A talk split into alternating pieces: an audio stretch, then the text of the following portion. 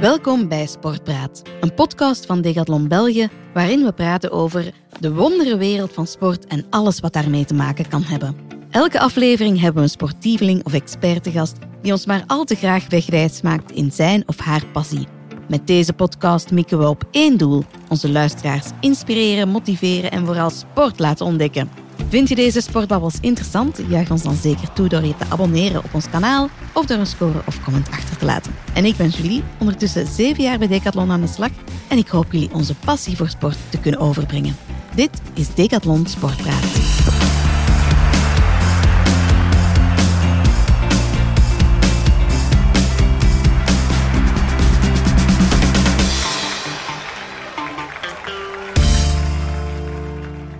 Vandaag heb ik Gilles de Bakker te gast, een van onze opleidingsexperts fietsen bij Decathlon België.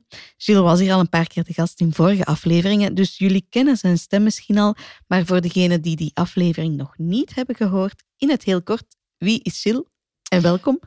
Hallo, goedemiddag. Um, dus zoals je zelf al aanhaalde, um, sta ik eigenlijk in voor opleidingen binnen een Decathlon. Ja. En dan vooral voor eigenlijk onze Vlaamse medewerkers, dus uh, iedereen in Vlaanderen die op de fietsafdeling werkt, voorziet, uh, of wordt voorzien van, uh, van fietsopleidingen. Um, daar ben ik dus verantwoordelijk over.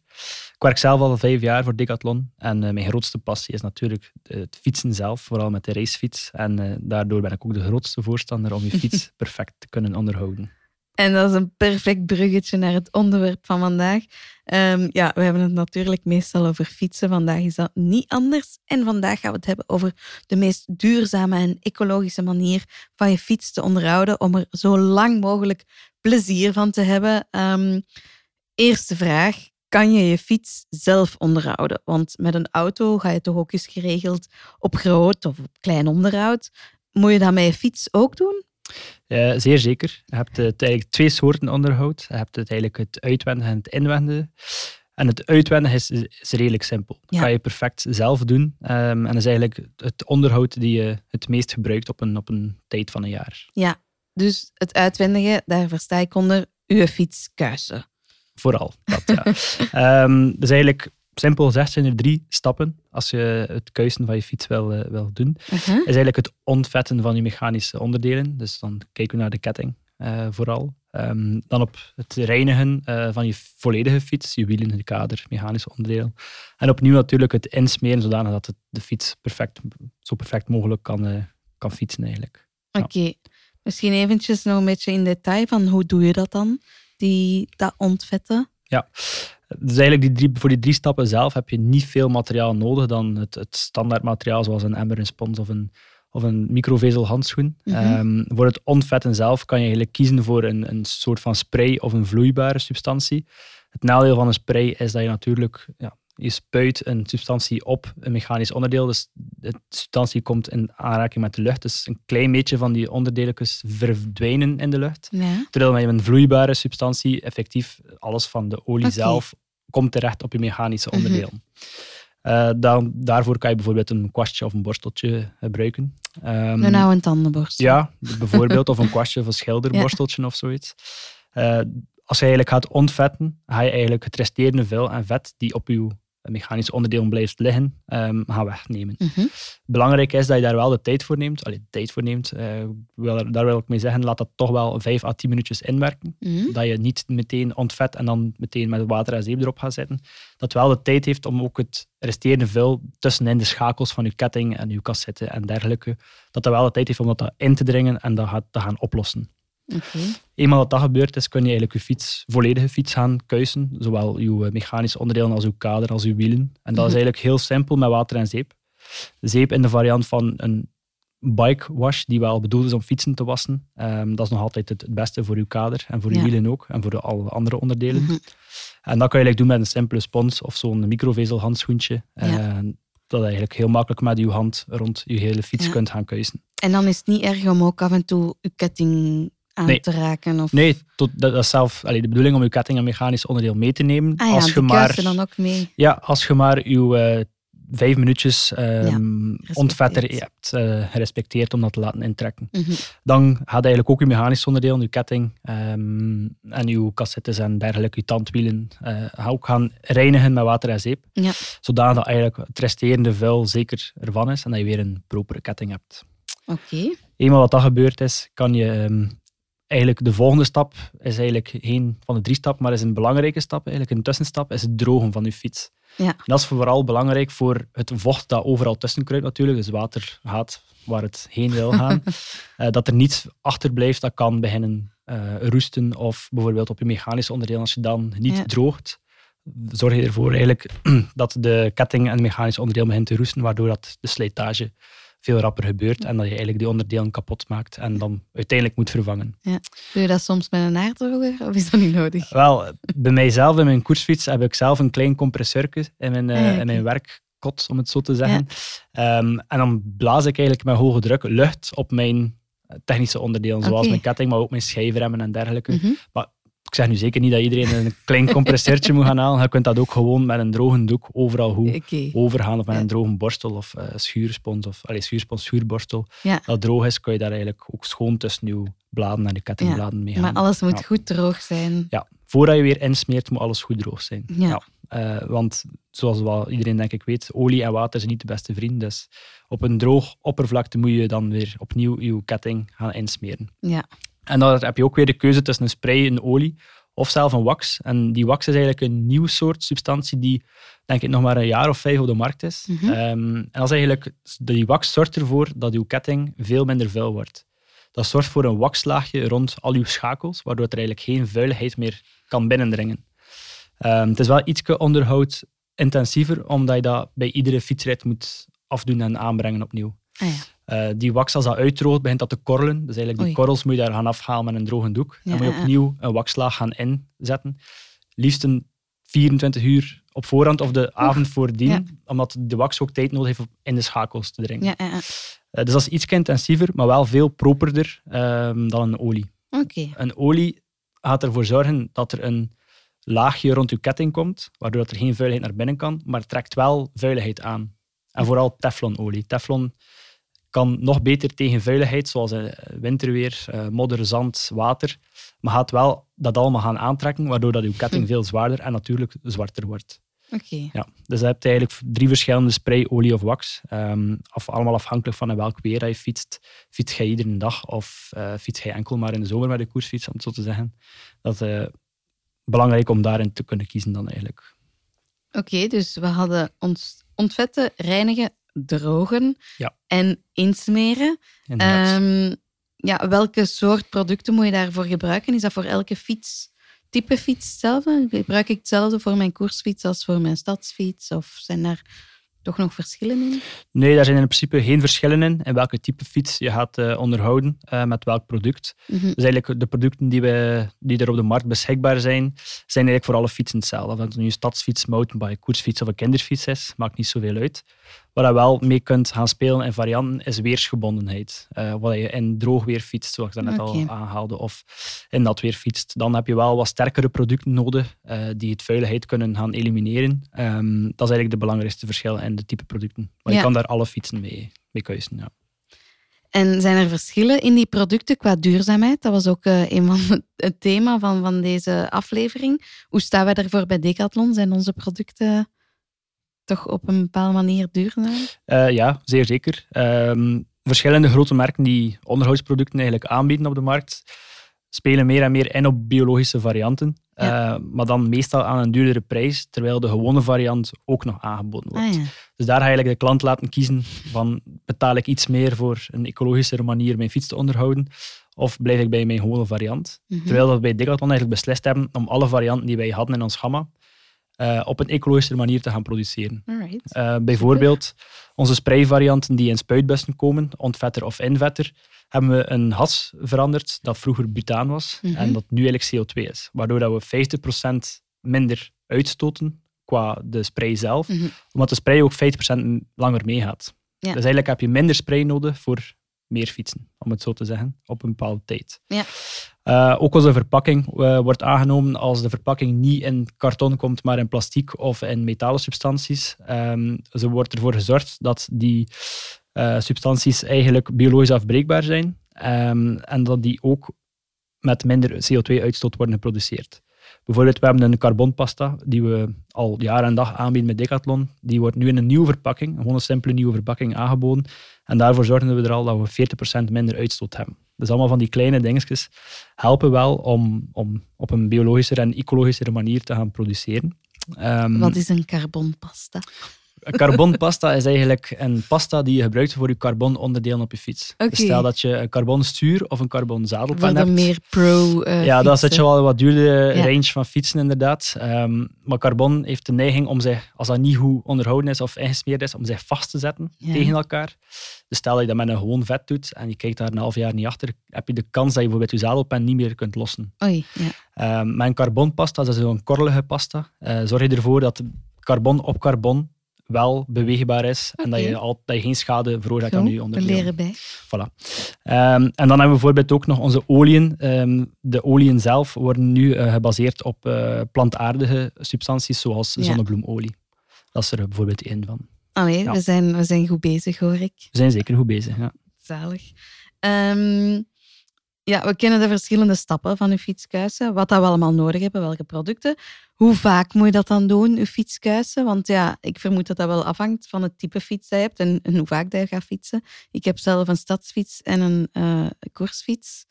Um, ja, moet ik die al, allebei altijd na elk gebruik kuisen? Of? Natuurlijk um, is dat een beetje een, uh, een, een, ja, hoe zeg je het, um, een keuze dat je daarin maakt. Uh, of dat je dat altijd ziet zitten om je fiets op regelmatige nee. basis te kuisen.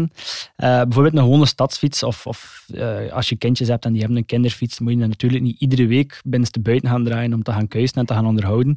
Die fietsen zijn ook wel iets robuuster en iets steviger gemaakt ja. op dat vlak. Dus ja. wat ik wel aanraad, is toch wel een keer maandelijks kijken naar je fiets van oké, okay, hoe, hoe beweegt mijn ketting, hoe gaan mijn versnellingen, is dat vlot of is dat niet? Zijn mijn remmen nog oké? Okay? Um, en dat je aan de hand daarvan dan eigenlijk je fiets gaat ja, ontvetten, kuisen, weer insmeren. Mm -hmm. Maar één keer per maand zo'n check-up van een gewone stadsfiets is voldoende. Okay. Um, voor sportievere fietsen is dat natuurlijk anders. Uh, racefiets, mountainbike, raad ik toch wel aan om toch wekelijks te kuisen. Maar dat is dan meer vanuit mijn overtuiging. Bij mij is het zelf meestal na iedere fietsrit. Ja. Dat ik toch wel mijn fiets keus, als dat nu vijf minuten is of, of een uitgebreid half uur. Um, omdat die onderdelen die daarop zitten wel iets ja, fragieler zijn Mhm. of iets breekbaarder zijn qua, qua levensduur of qua Ja. slijtage. Dus bij een racefiets, mountainbike of een sportieve fiets is het wel belangrijker om toch wel meer je fiets te gaan onderhouden. En daar raad ik toch wel wekelijks aan. Oké, dat is duidelijk. Ik ga mijn best doen daarvoor.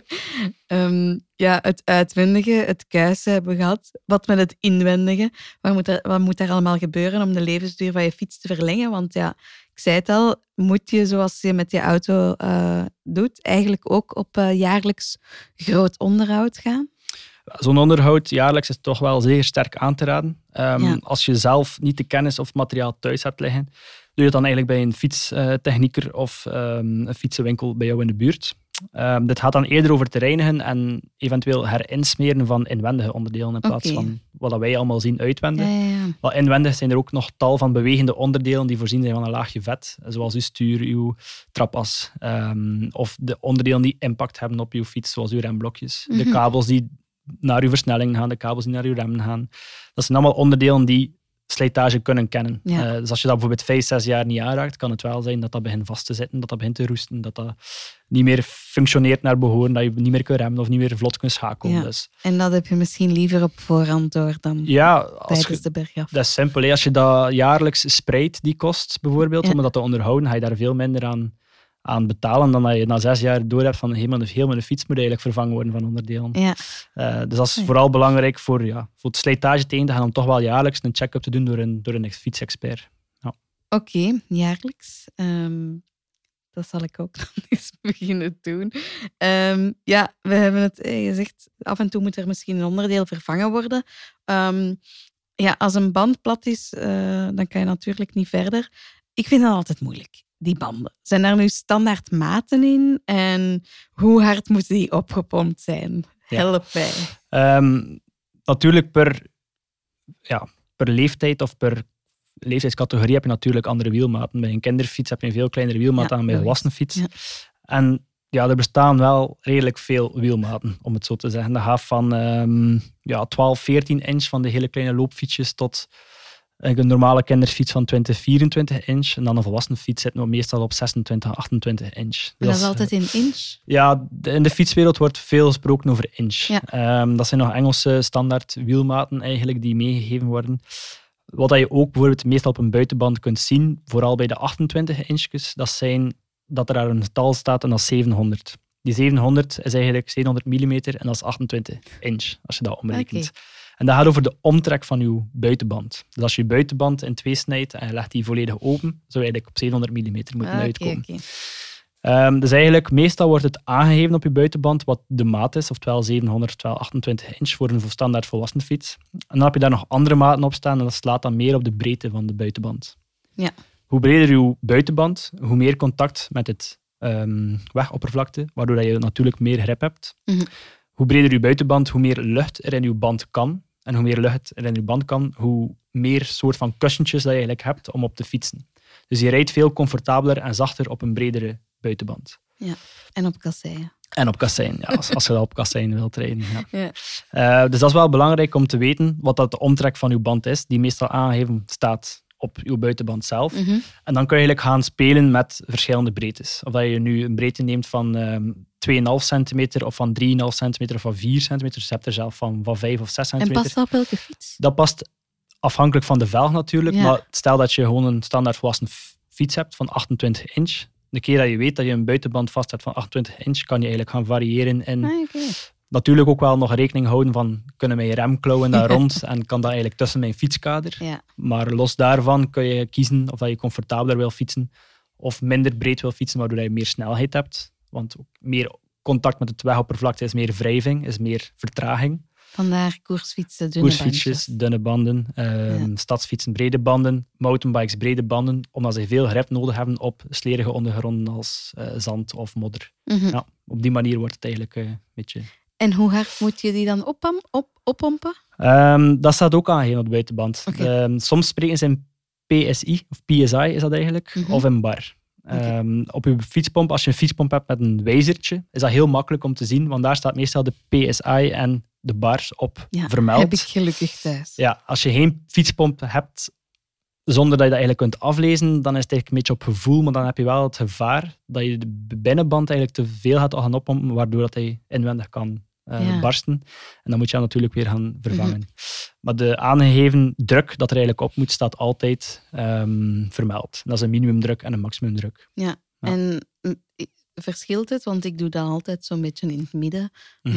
maar, misschien als het warm weer is of koud weer is? Of... Nee, dat, is, uh, dat, gaat niet zoveel verschil maken. Waarin verschilt de druk is bij een lage druk gaat natuurlijk veel meer um, gaan duwen mhm. met uw fiets op uw band. En uw band duwt dan veel meer op het weg, op het dek, op oppervlakte, op het wegdek.